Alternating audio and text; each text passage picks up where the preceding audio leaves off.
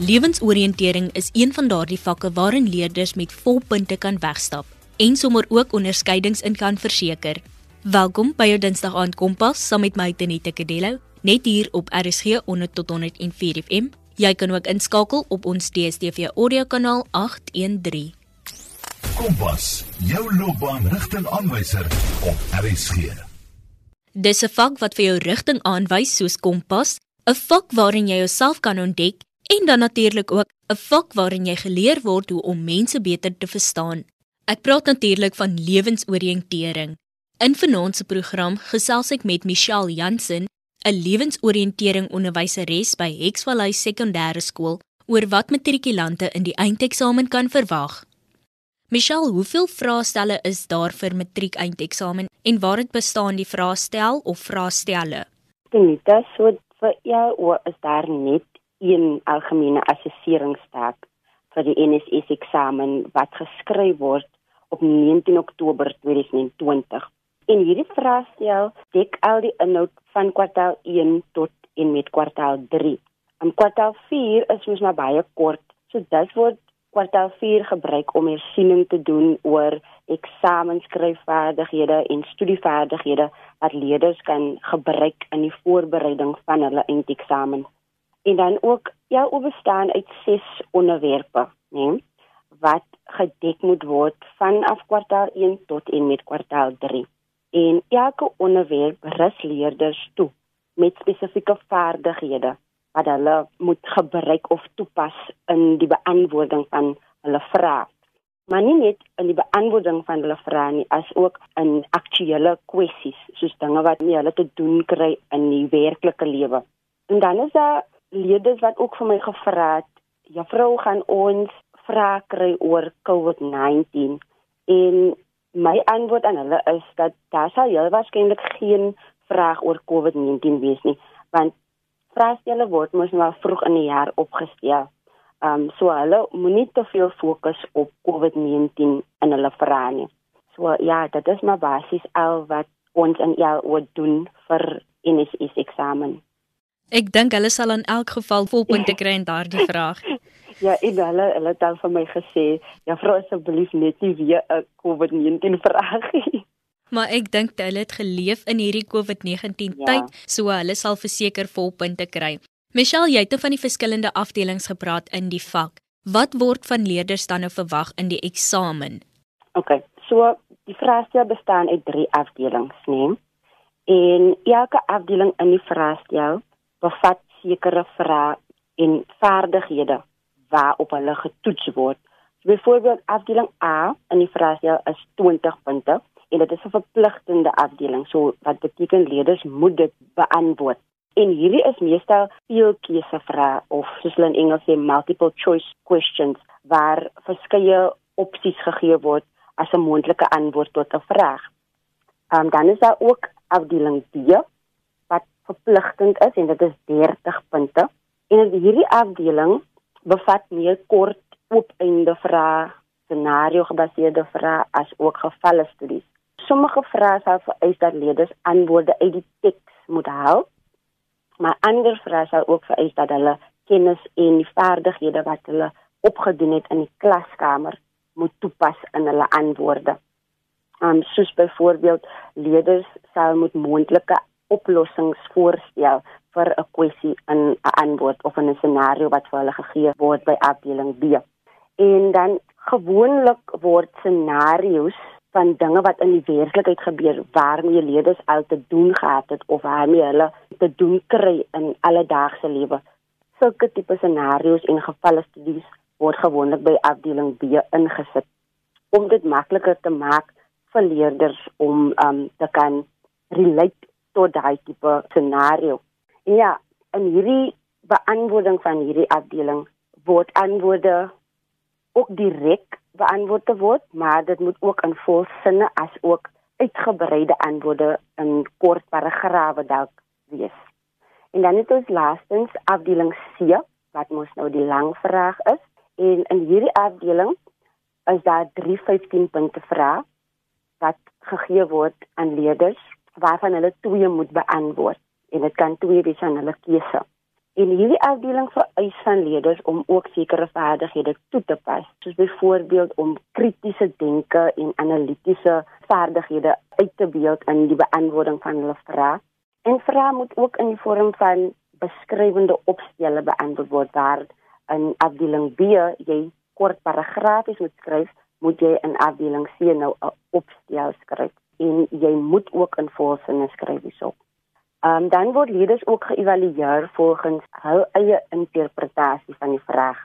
Met ander woorde kan die leerder krities dink en sal hy of sy so 'n kwessie kan hanteer in die werklike lewe. Dit is basies wat afdeling C van jou verwag in die beantwoording van daai vraag.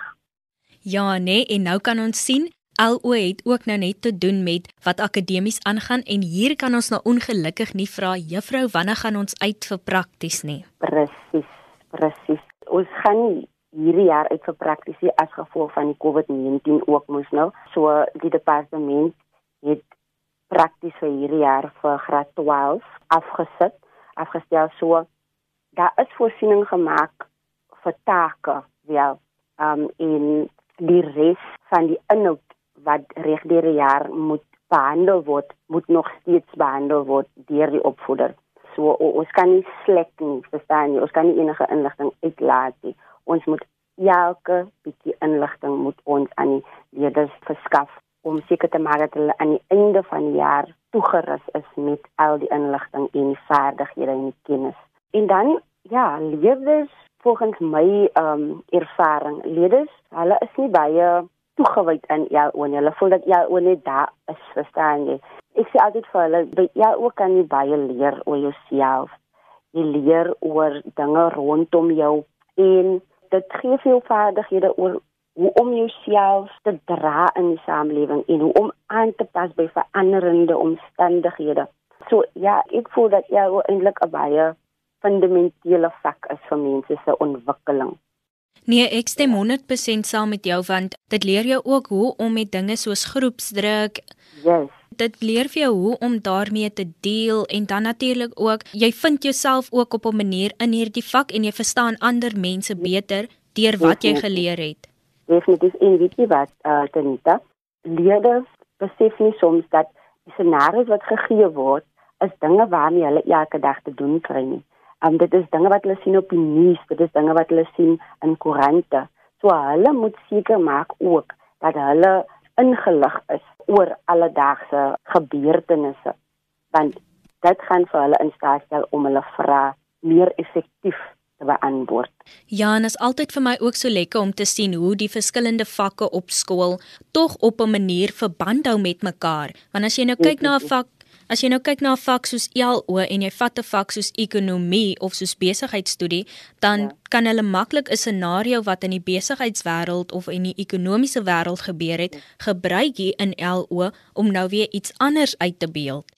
Om by te voeg by daai stelling wat jy nou maak, seker so 'n paar weke terug het ek 'n les gedoen oor um menslike faktore en hoe mense se gedrag bydra tot leefstyl siektes.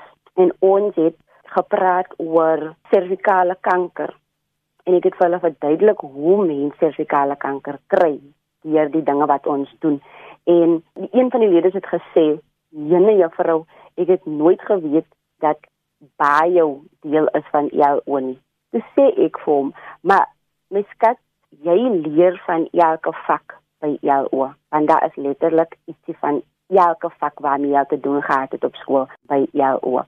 So, um, ja, ek dink hulle kan ook baie leer van ander vakke in jou in. Jy luister nog steeds na Kompas op RSG 100 tot 104 FM. So met my Tenita Kadilo en ek gesels met Michelle Jansen oor die vak lewensoriëntering. Michelle, waar kan leerders lekker punte kry en selfs volpunte verseker? Tenita, in my opinie, kan leerders by enige van die afdelings goed vaar byvoorbeeld by multiple choice of by meerkeuse vrae. As leerders net kyk na kernwoorde in elke vraag. Soos ek gesê het voorheen, daar word veel vier opsies gegee wat as 'n mondelike antwoord um, tot daai vraag kan wees. En elke van daai opsies of die regte antwoord in daai opsies gaan vir jou 'n kern aanwysing gee wat die regte antwoord kan wees en dit gaan outomaties die res van die opsies uitskakel.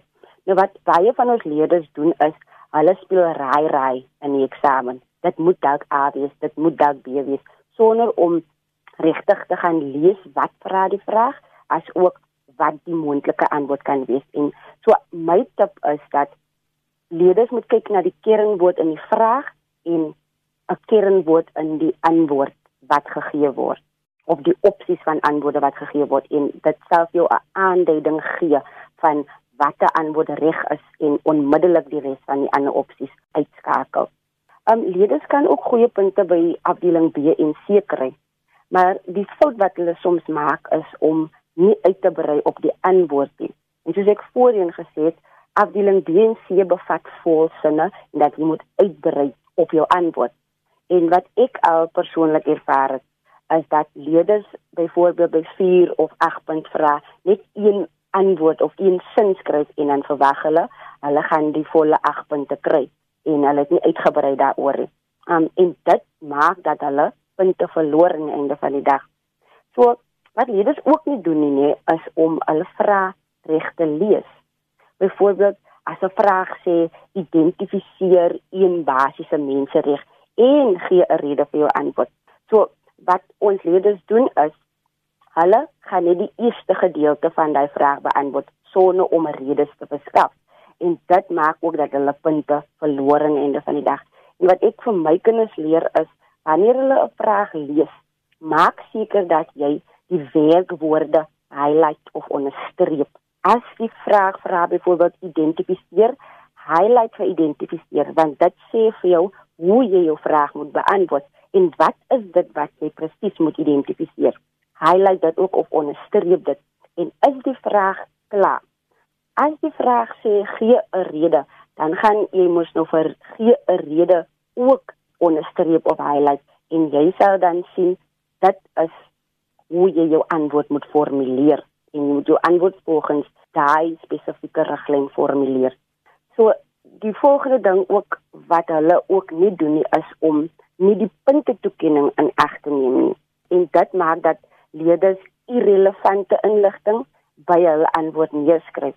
So as 'n vraag 4 punte is en 'n leerder gaan skryf 'n hele 10 feite, gaan dit nie noodwendig wees dat hy of sy daai 8 punte of gaan kry nie of 4 punte gaan kry nie um, omdat hy of sy daai hele paragraaf nog nie geskryf het nie. Neem jou punte toekenning in ag as 'n vraag 4 punte tel, maak seker dat jy jou 4 feite neerskryf en maak seker dat dit relevant is tot die vraag wat gevra word.